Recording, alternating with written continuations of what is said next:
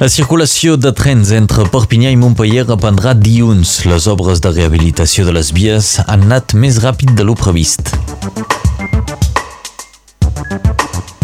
Amnistia Internacional conclou que la condemna d'entre 9 i 13 anys de presó als líders independentistes catalans contravé el dret internacional.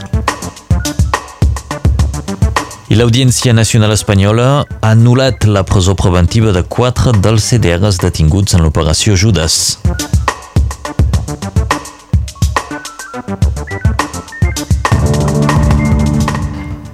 Avui és Dia Internacional de la Infància, una jornada dedicada a la fraternitat entre els mainatges i que està destinada a fomentar el benestar i els drets dels nins i nines del món. Avui a Perpinyà se celebra els 30 anys de la Convenció Internacional dels Drets de l'Infant.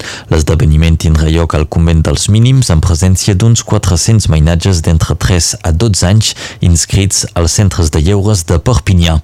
La Convenció Internacional dels Drets de l'Infant és un text fonamental de, pels drets dels mainatges veïnatges va ser signat l'any 1989 i definia una llista de drets com, per exemple, el dret a la salut, a l'educació, el dret de jugar, però també el dret de ser protegit de la violència i de la discriminació. Aquest text va ser signat per 195 estats del món. La Convenció Internacional dels Drets de l'Infant, a més de tenir un important significat simbòlic, també és legalment vinculant. Una bona notícia per la circulació de trens entre Perpinyà i Montpellier. Les obres de rehabilitació de les vies entre Béziers i Llac del departament de l'Erau ja estan acabades i la circulació dels trens podrà reprendre dilluns. Les vies van ser malmeses pels importants aiguats del passat 23 d'octubre. La SNCF va anunciar que la reobertura total de la línia es faria el dia 2 de desembre. Finalment, aquesta obertura s'ha avançat gràcies a la mobilització dels xaminots i la bona feina de les empreses segons la SNCF. Per tant, dilluns tornaran a circular els trens entre Perpinyà i Montpellier, això sí, amb una limitació de la velocitat en el lloc on s'han realitzat realitzat les obres. Avui ha de compareixer el tercer militant independentista detingut durant el tall de l'autopista al Portús la setmana passada. L'advocat Pere Beca nos explica quin és el procediment al qual estan sotmesos els 18 detinguts. Quan el primer dia es van agafar tota la sèrie de gent que han de compareixer, se'ls va proposar de fer un procediment senzill de compareixença davant del delegat del fiscal. Però, mentrestant, la Fiscalia ha canviat una mica la manera d'actuar i ha decidit fer una convocatòria eh, anomenada audició lliure, és a dir, que compareixen sense necessàriament tenir advocat, perquè es continuen les investigacions. I en aquest cas la compareixença va ser d'obtenir el reconeixement de la part de la persona eh, que, que compareixia del fet que havia sigut en el moment de la manifestació, encara quasi sempre dit que no n'era l'organitzador. Més endavant pot haver-hi o no una convocatòria davant del tribunal. Això és el fiscal que ho decidirà. Bé, d'aquí les explicacions de l'advocat Pere Becker. Recordem que els 18 detinguts afronten acusacions d'obstrucció de la via pública, un presumpte delicte que pot representar una multa de 40 euros segons la legislació francesa. Amnistia Internacional va presentar ahir les seues conclusions i recomanacions fonamentals sobre el judici del procés. L'ONG conclou que la condemna d'entre 9 i 13 anys de presó als líders independentistes catalans contravé el dret internacional. El document denuncia particularment la condemna a Jordi Sánchez i Jordi Cuixart, considerant que viola els seus drets a la llibertat d'expressió i reunió i reclama que tots dos siguin posats en llibertat immediatament. Amnistia Internacional no posa en qüestió qüestió la legalitat del judici al Tribunal Suprem en el seu conjunt, però denuncia que la interpretació que es va fer del delicte de sedició va ser excessivament àmplia i es va traduir en la criminalització d'uns actes de protesta legítims. En aquest sentit, l'organització defensa que el dret internacional dels drets humans protegeix també la desobediència civil pacífica. I l'Audiència Nacional Espanyola ha anul·lat les penes de presó preventiva de quatre dels CDRs detinguts en l'anomenada Operació Judes. Avui s'espera una decisió definitiva del tribunal que podria implicar l'alliberament d'aquestes quatre persones que van ser arrestades pels delictes de terrorisme, rebel·lió i tinença d'explosius.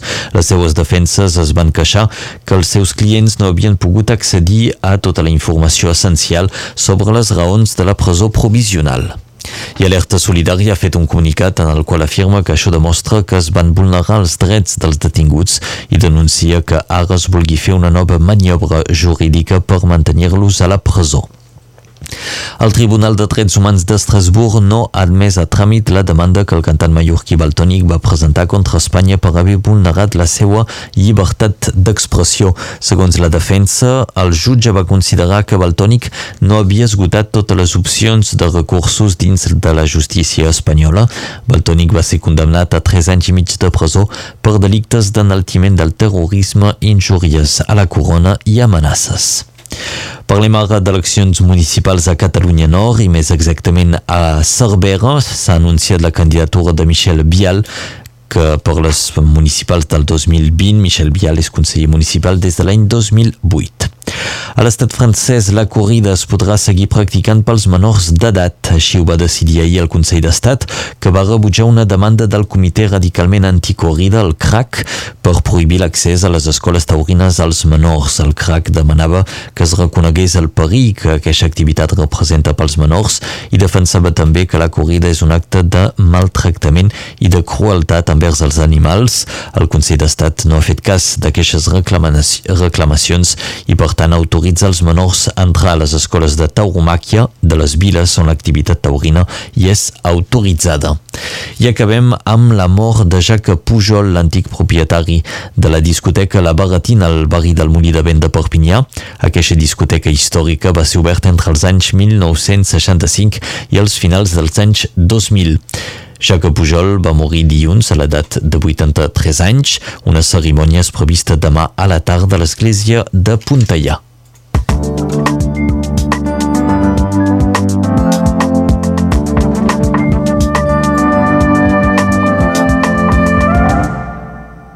Completem aquest informatiu amb la previsió del temps. Nos la presenta la Laura Bertran.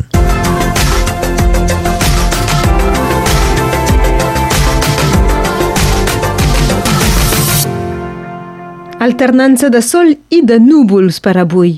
El dia comença amb sol i cel serè en general, els núvols s'aniran desenvolupant des dels cims de la muntanya i acabaran cobrint tot Catalunya Nord. Al vespre destacaran els núvols alts que entreninaran el cel.